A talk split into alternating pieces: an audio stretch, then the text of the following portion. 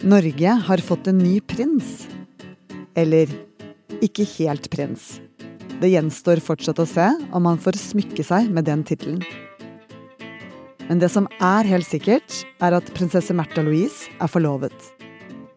Tidligere denne uken ble det kjent at Durek Verret har fridd til prinsessen. Og til dagens store kongelige nyhet. Prinsesse Märtha Louise og Durek Verret er forlovet. Det er med stor glede Paret har uttrykt sin store kjærlighet til hverandre på sosiale medier i dag. Hvem er egentlig sjamanen som får prinsessa? Og klarer han også å vinne kongerikets tillit? Dette er forklart fra Aftenposten, og jeg heter Synne Søhol. I dag er det fredag 10. juni. You know, meeting Marta was like coming home to a love that I never felt. Det skaper jo alltid litt brudulje når et medlem av kongefamilien skal gifte seg. Men eh, i det tilfellet her så er det jo også litt med hvem eh, sjamanen er, da. Dette er Therese Sollien. Hun er kommentator i Aftenposten, og i tillegg så elsker hun å følge med på hva som foregår i det norske kongehuset. For her skjer det mye om dagen. Man vil vel kanskje vanskelig se for seg kong Durek med eh, hermelinkåpe og septer på slottsbalkongen. Nå er jo ikke det så veldig sannsynlig at det blir sånn heller, men det er klart at folk, folk bryr seg, fordi kongehuset er eh, den statsformen vi har. Landets øverste leder er en konge, og da i, i den hypotetiske verden hvor eh, sjaman Durek ender opp som den norske kongen, så er det klart at det er jo noe folk har meninger om. Ja, hvordan kan han bli konge, da? Det skal ganske mye til, fordi prinsesse Märtha er et stykke ned på reservebenken. Nå er det jo kronprins Haakon som ligger an til å bli Norges neste konge. Deretter er det prinsesse Ingrid Alexandra som skal bli dronning etter ham. Eh, og så er prins Sverre Magnus i den tredje. Men den fjerde i arverekken er prinsesse Märtha Louise. Eh, så eh, det er jo ikke milevis ned på stigen, da. Og snart er den fjerde i arverekkens ektemann en sjaman ved navn Durek Verret. Ja, sjaman Durek, som er døpt Derek Verrett. Han er oppvokst i California. Uh, han har fortalt selv at han hadde en litt krevende oppvekst. Han har bl.a. sittet et år i ungdomsfengsel. Han har vært gift med en tsjekkisk statsborger. Uh, han har vært forlovet med en mann. Og men det han kanskje er mest kjent for i norsk presse, er en del uh, uttalelser som har uh, provosert forskjellige fagmiljøer ja, som han har kommet med. F.eks. har han uh, hevdet at han kan snu atomer, og han tilbyr husrens, altså å ta ut spøkelser, som en slags sånn mannlig Lilly Bendriss. Og så har han sagt at han er en halvt øgle fra verdensrommet. Bare sånn for å nevne noe. På hjemmesiden til sjaman Durek beskriver han seg selv som en spirituell guide og begavet healer. Han tilbyr bl.a. Eh, private timer, telefonbehandling og det som Therese snakker om, husrenselse. Men først og fremst er han sjaman. Det er en som skal være et bindeledd mellom den verden vi sitter i nå, og åndeverdenen. Kan hvem som helst eh, bli sjaman? Ja, det er ikke en beskyttet tittel sånn som lege eller dommer eller sånn. Hvem som helst kan kalle seg sjaman, men det er ikke så mange som gjør det, da. Og nå får altså kongehuset en sjaman inn i familien.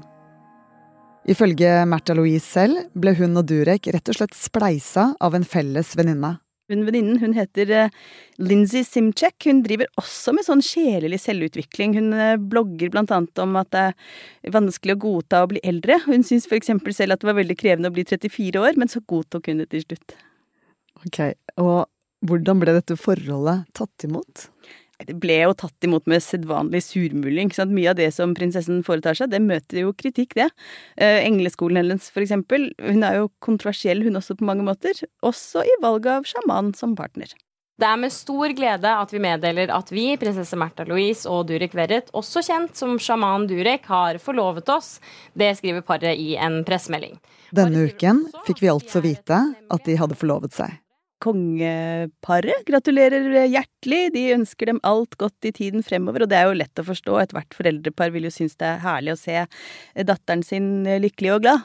Eh, men eh, kronprinsparet ønsker også paret alt godt i tiden fremover, og det samme gjør statsminister Jonas Gahr Støre. Så her er det bare, bare hygge og, og kos. Men vil det si at han blir prins nå? Uh, nei, det er lite sannsynlig. Uh, det er kong Harald som avgjør hvorvidt uh, sjaman Durek skal få noen tittel eller ei når han gifter seg med prinsesse Märtha. men det er ikke sannsynlig at kongen kommer til å gi ham noen tittel. Det fikk heller ikke prinsesse Märthas første ektemann, Ari Behn. men i den hypotetiske verden hvor Märtha arver tronen og blir dronning, da er det naturlig at han får en prinsetittel som dronningens gemal. Det gjorde prins Henrik i Danmark, og det gjorde også dronning Elisabeth i Englands ektemann. Han fikk også en prinsetittel.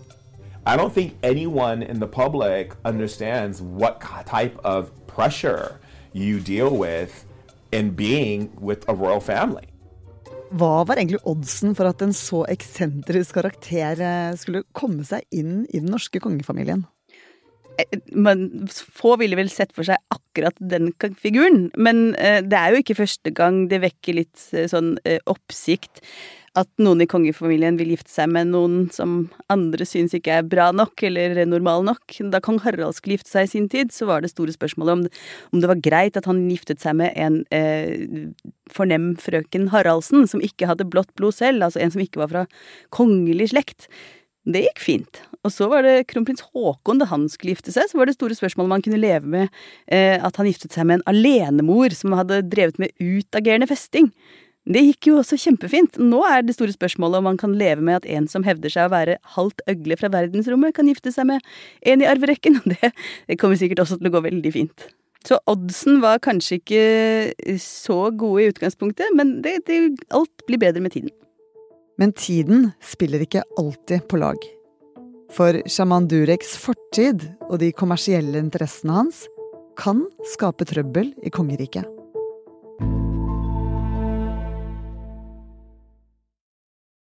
being with Marta has been a challenge because I don't usually see her as the princess. She's my girlfriend. She's the woman I fell in love with. Det er selvfølgelig utrolig hyggelig at noen finner kjærligheten, og at de i tillegg har lyst til å være sammen resten av livet.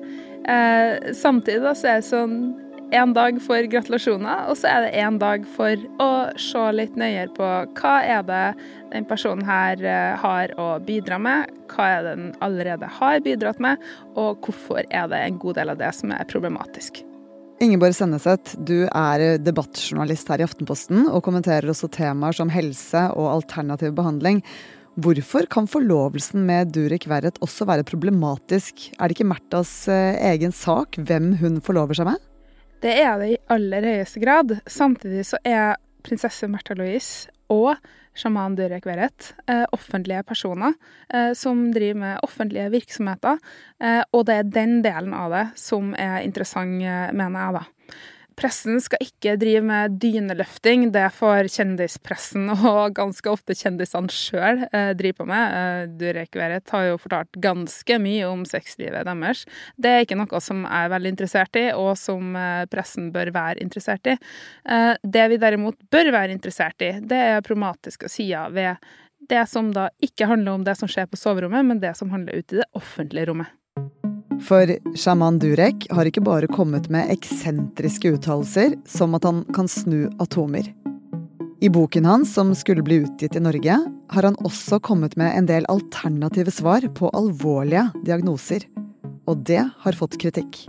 Durek Velet har en teori om at blodkreft det handler om dårlig balanse i blodet, eh, og at han kan såkalt gjenopprette balansen. Men hva mener han med det, egentlig? Eh, for det første, hvilken, hvilken balanse i blodet er det det er snakk om?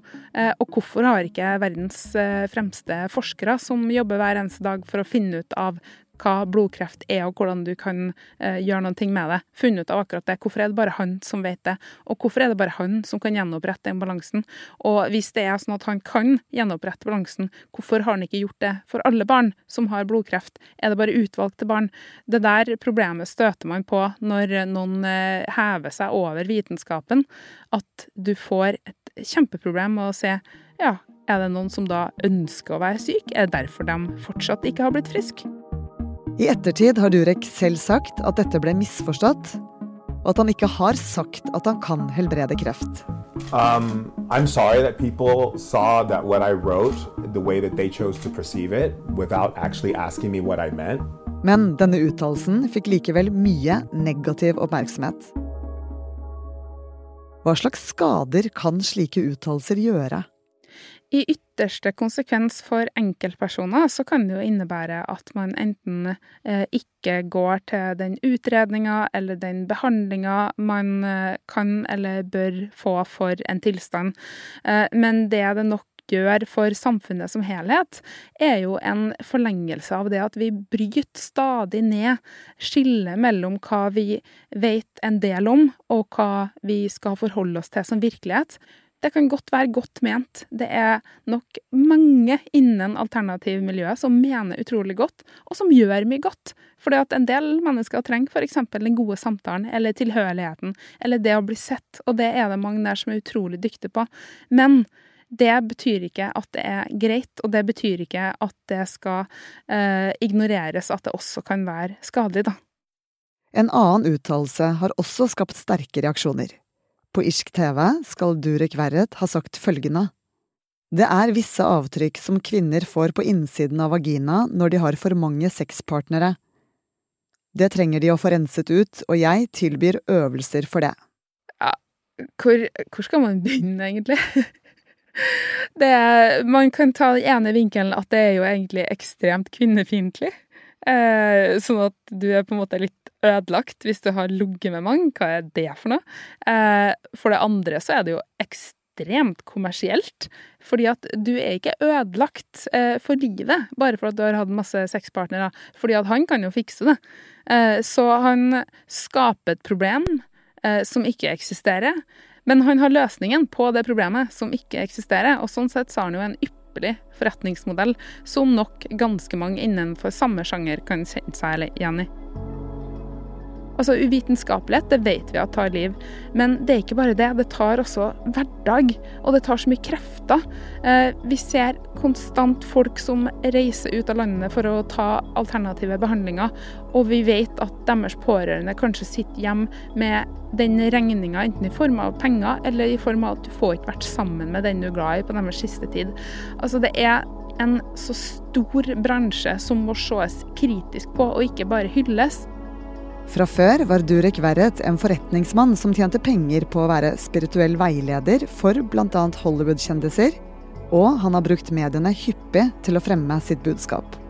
En privattime med han koster ca. 14 000 kroner. Og da han ble sammen med Märtha i 2019, gikk de inn i et kommersielt samarbeid som skapte mye debatt her i landet.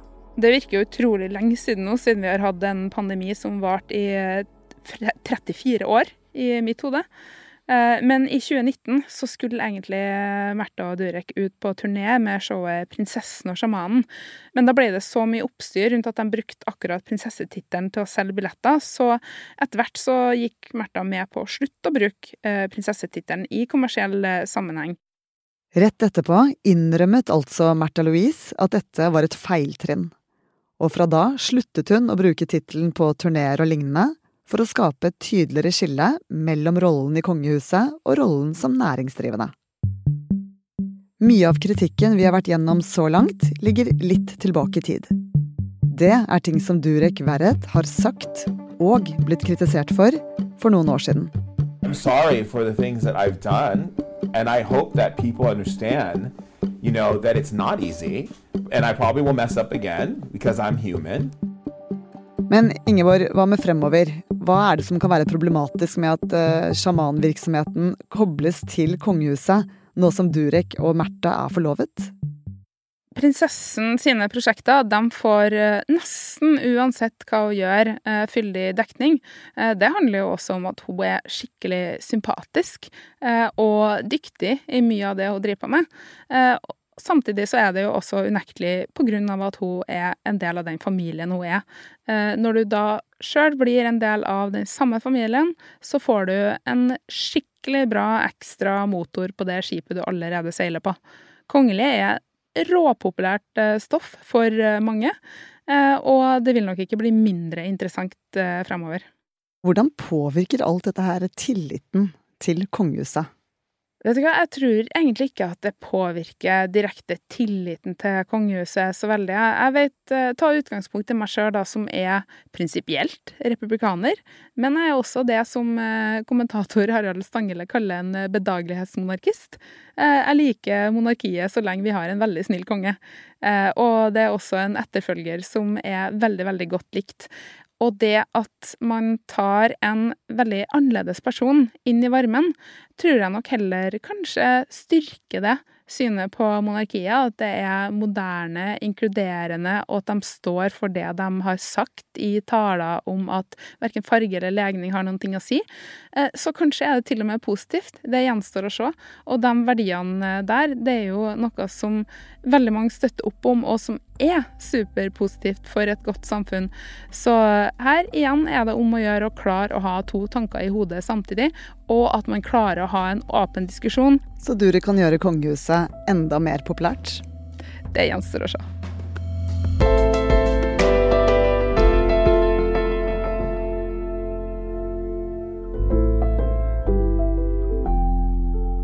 I denne episoden har du hørt Therese Sollien og Ingeborg Senneset fortelle om sjaman Durek og prinsesse Märtha. Klippene du hørte, er hentet fra NRK, VGTV og NTB Scampix.